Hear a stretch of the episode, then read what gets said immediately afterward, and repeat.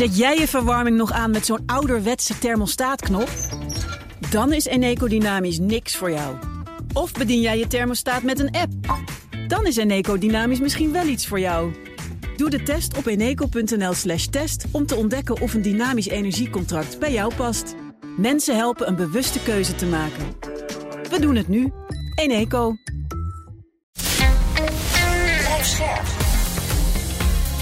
BNR Nieuwsradio. Boekenstein en de Wijk.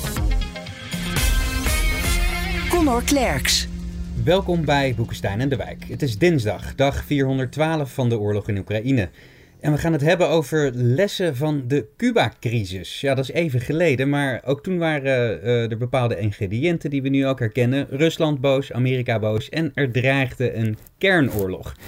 Arend Jan, uh, in Foreign Policy staat een, uh, een, gigantisch stuk en het heeft alles te maken met het vrijgeven van oude uh, Sovjet-documenten. Vertel. Ja, het is, het is een Foreign Affairs. Het heet Blundering on the Brink: The Secret History and Unlearned Lessons of the Cuban Missile Crisis. En dan vraag je af waarom moeten wij daar aandacht aan besteden? Omdat er namelijk er zijn overeenkomsten met de Oekraïne-oorlog. De Cuba-crisis is, is juni 1962. Wat is er aan de hand? Khrushchev was in het geheim bezig om uh, kernraketten te plaatsen op Cuba. Heel dicht bij de Amerikaanse grens. Nou, de Amerikanen hebben dat ontdekt. En toen kwam er dus een kat-en-muisspel. Waarbij uh, even zeggen, het is onacceptabel, die dingen moeten daar weg. Toen zijn ze met elkaar gaan onderhandelen. Allemaal heel moeilijk was dat. Maar op een gegeven moment heeft dus Khrushchev uh, uh, eieren voor zijn geld gekozen. En toen uh, heeft hij zijn raketten daar weggehaald. En ze hebben ook de Jupiter-raketten, Amerikaanse Jupiter, uit, uit, Turkije gehaald. Dat was een Ja, en aan de Amerikaanse kant was het dus Kennedy die daar zo'n gloriedagen door beleefde. Hè? Ja, want die Kennedy had namelijk generaals in zijn nek en die zei namelijk in het begin al, we moeten gelijk met raketten uh, die, dat deel van Cuba waar die dingen staan, moeten we helemaal plat bombarderen. En, en Kennedy zei toen van nou, ik vind, laten we maar eerst maar met een blokkade beginnen. Dan kunnen we altijd nog met die raketten gaan. Nou, wat is er nou zo interessant aan het artikel? Het artikel laat zien dat net zoals bij de Oekraïne-oorlog, Khrushchev bang was uh, dat het natuurlijk mis zou gaan. Dus hij heeft dus de handtekeningen van alle veertien grote mannen in zijn kabinet heeft hij boven dat stuk gehad, we gaan dit nu doen. Denk maar aan die fantastische veiligheidsbijeenkomsten in februari 2022 met Poetin. Dat hij dus elke jongen zei van, jij, jij bent er ook voorstander van dat we republieken gaan erkennen. En daarmee impliciet ook dus die Oekraïne-oorlog starten. Omdat Poetin ook bang was dat het misschien wel eens mis zou gaan. dat is de eerste overeenkomst. En de tweede overeenkomst is dat alles wat mis kon gaan in militaire zin dat ging ook mis. De Oekraïne-oorlog kennen we dat verhaal met die file naar Kiev en zo. Maar dat was dus in Cuba ook zo. Hè. Dat was, de, de, ze hadden grootst mogelijke moeite om die raketten te verbergen. Eén expert had al gezegd van, wij zijn, staan veel te weinig palmen. En dat gaat dus gewoon niet lukken. En de Amerikanen gaan die raketten zien. Hè. En nou, dat was dus ook allemaal zo. Verder hadden ze natuurlijk ontzettend last van de vochtigheid en van de hitte. De zaak roestte bij elkaar. Uh, ze hadden, niemand sprak Spaans en zo. Het is één grote hilarische toestand als je het leest. Uh, hilarisch, ja. maar het, ja. het, is wel heel opmerkelijk dat er een enorme parallel inderdaad uh, is. Hè? Ik, vond dat, uh, ik vind, vond het echt heel erg bijzonder hoe, hoe, nou ja, wat jij zegt Arend Jan, hoe ondoordacht die, dat hele, die besluitvorming is, is gegaan ten aanzien van de plaatsing van die, van die raketten. Dat doet inderdaad zeer sterk denken aan wat er nu is uh, gebeurd met, uh, met de Oekraïne. Uh, gewoon gaan, geen idee wat je zegt van Cuba.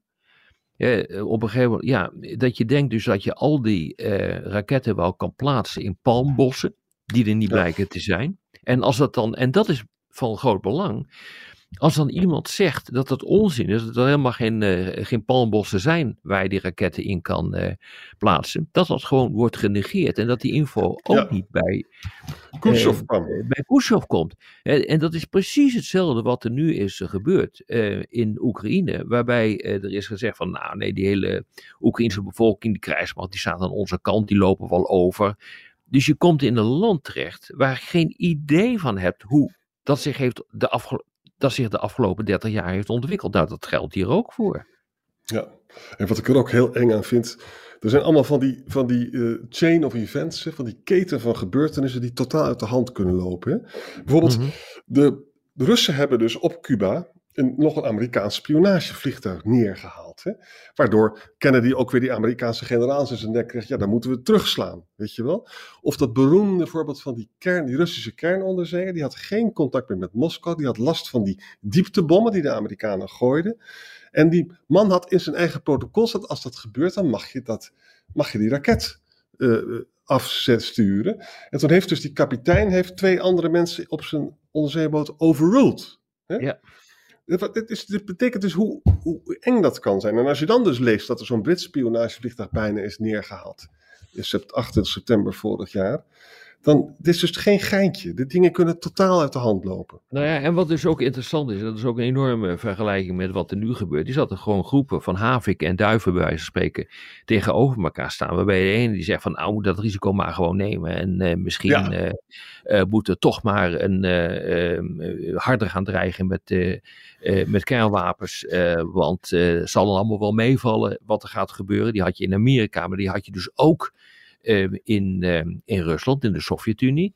Eh, waarbij die Amerikanen zeiden van ja, toch maar gewoon een aanval uitvoeren, want dat zal wel wel meevallen. Ja, het interessante is ook dat de, uh, de, uh, de conclusie van dit, van dit stuk is echt heel interessant. Door iedereen moet dat gaan leven. Als die harde, die, die havikachtige stemmen doorslag hadden ja.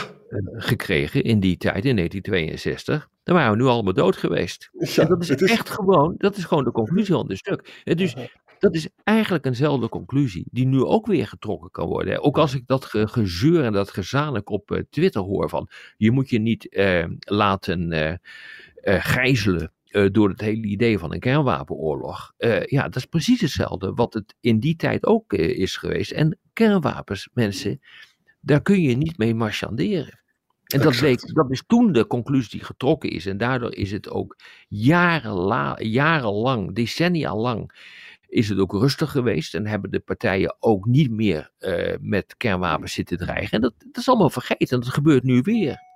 Ja, en wat ik ook interessant vond, uh, je had dus een jaar daarvoor had je de varkensbaai-invasie gehad. Dat was, ja. heel, dat was weer heel onderdacht van Kennedy. Die was dus probeerde dus in Cuba een regime change doen. Alles ging werkelijk mis. Cubaanse ballingen, hè, met de ja, steun Cubaanse... van de CIA. Ja. En dat is uitgelekt. En, uh, is uitgelekt. Uh, Khrushchev dacht toen van, hé, hey, Kennedy is dan toch misschien wel een softie. Hè? En vervolgens heeft Kennedy gedacht van, ja, maar het wordt mij kwalijk genomen als ik op dat, op dat fiasco van de Amerikanen niet reageer met iets slims. Hè? Dus hij dacht van, weet je wat, ik ga die raketten daar doen. Dat is echt, echt Khrushchevs idee.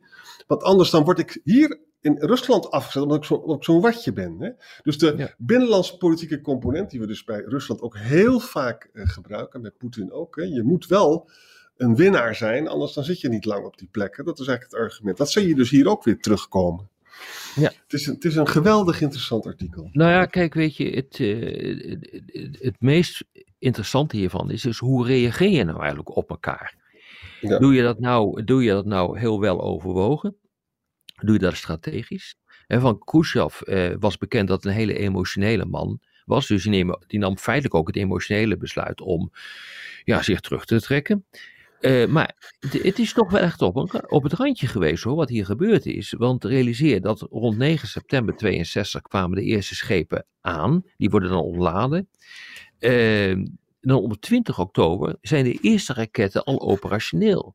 Ja. Het, het, ik bedoel, met andere woorden, eh, de haviken uh, in het uh, Witte Huis, die zeiden van nou we moeten toch maar proberen om door middel van een interventie en misschien wel een invasie uh, te proberen Khrushchev ervan te weerhouden om die raketten te gaan, te gaan plaatsen. Maar die waren dus al geplaatst. Ja.